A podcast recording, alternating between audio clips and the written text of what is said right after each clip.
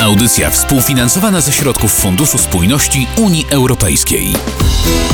Sylwia Pawłowska, witam. Majowy weekend nadchodzi wielkimi krokami, ale zanim odpalicie grilla i zaczniecie majówkę, zapraszam na kwietniowy Euroflash. Dzisiaj odwiedzimy z mikrofonem Kielce i sprawdzimy, jak młodzi zmieniają świętokrzyski rynek pracy oraz zajrzymy do Koszalina i dowiemy się, jakie oferty mają tam dla osób młodych do 29 roku życia, e, które nie pracują, nie uczą się, a chciałyby zacząć na siebie zarabiać. Z nami jest Henryk Kozłowski, dyrektor Powiatowego Urzędu Pracy w Koszalinie. Panie dyrektorze, wiele młodych osób zgłasza się do Was, bo chce zapisać się na staż, praktykę, czy po prostu rozpocząć pracę. Co konkretnie oferujecie? Począwszy od staży, prac interwencyjnych, następnie dotacje na działalność gospodarczą, no i bony zasiedleniowe. Tutaj młodzi ludzie dostają na ten cel e, kwotę w wysokości 7 tysięcy złotych, którą dysponują na te początkowe okresy związane ze zmianą miejsca zamieszkania. E, Staże i praktyki to jest bardzo popularna forma i ja jednak chciałabym podpytać trochę o te prace interwencyjne. Czym są takie prace, bo kojarzą się raczej z pracą fizyczną? Często tak ludzie sobie wyobrażają, że prace interwencyjne czy roboty publiczne to właśnie prosta praca fizyczna. Natomiast chodzi tutaj o zatrudnianie chociażby księgowych, prawników, również mechanicy, zakłady kosmetyczne podpisają z nami umowę, czy zakłady fryzjerskie. Prace interwencyjne trwają 6 miesięcy. Jest to normalna umowa o pracę na czas określony. Czasami pracodawca od razu decyduje się na podpisanie umowy na czas nieokreślony. To najczęstsze takie umowy.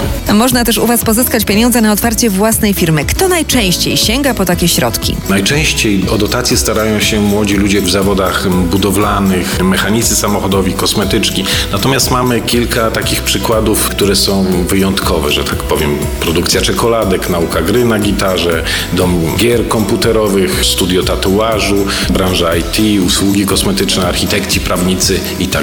Tyle koszalin, a teraz przenosimy się do Kielc, gdzie czeka już pani Marta Gidel-Marcinkowska z Akademii Zdrowia.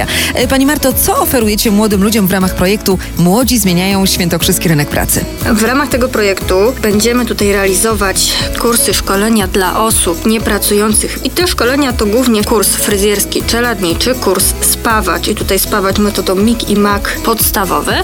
Kursy mają za zadanie podnieść kwalifikacje, zdobyć nowe uprawnienia, ale również finansujemy też staże trzymiesięczne. Jest to szansa zdobycia doświadczenia na lokalnym rynku pracy. A gdzie odbywają się takie zajęcia? Zajęcia realizowane są na terenie Kielc. Jeżeli chodzi o kurs fryzjerski, to jest stricte realizowany u nas w naszej jednostce szkoleniowej.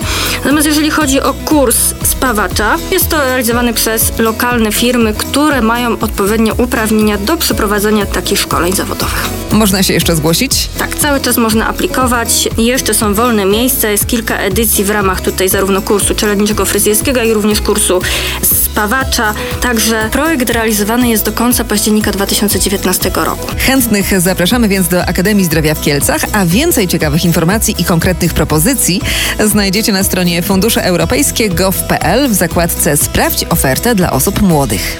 Audycja współfinansowana ze środków Funduszu Spójności Unii Europejskiej.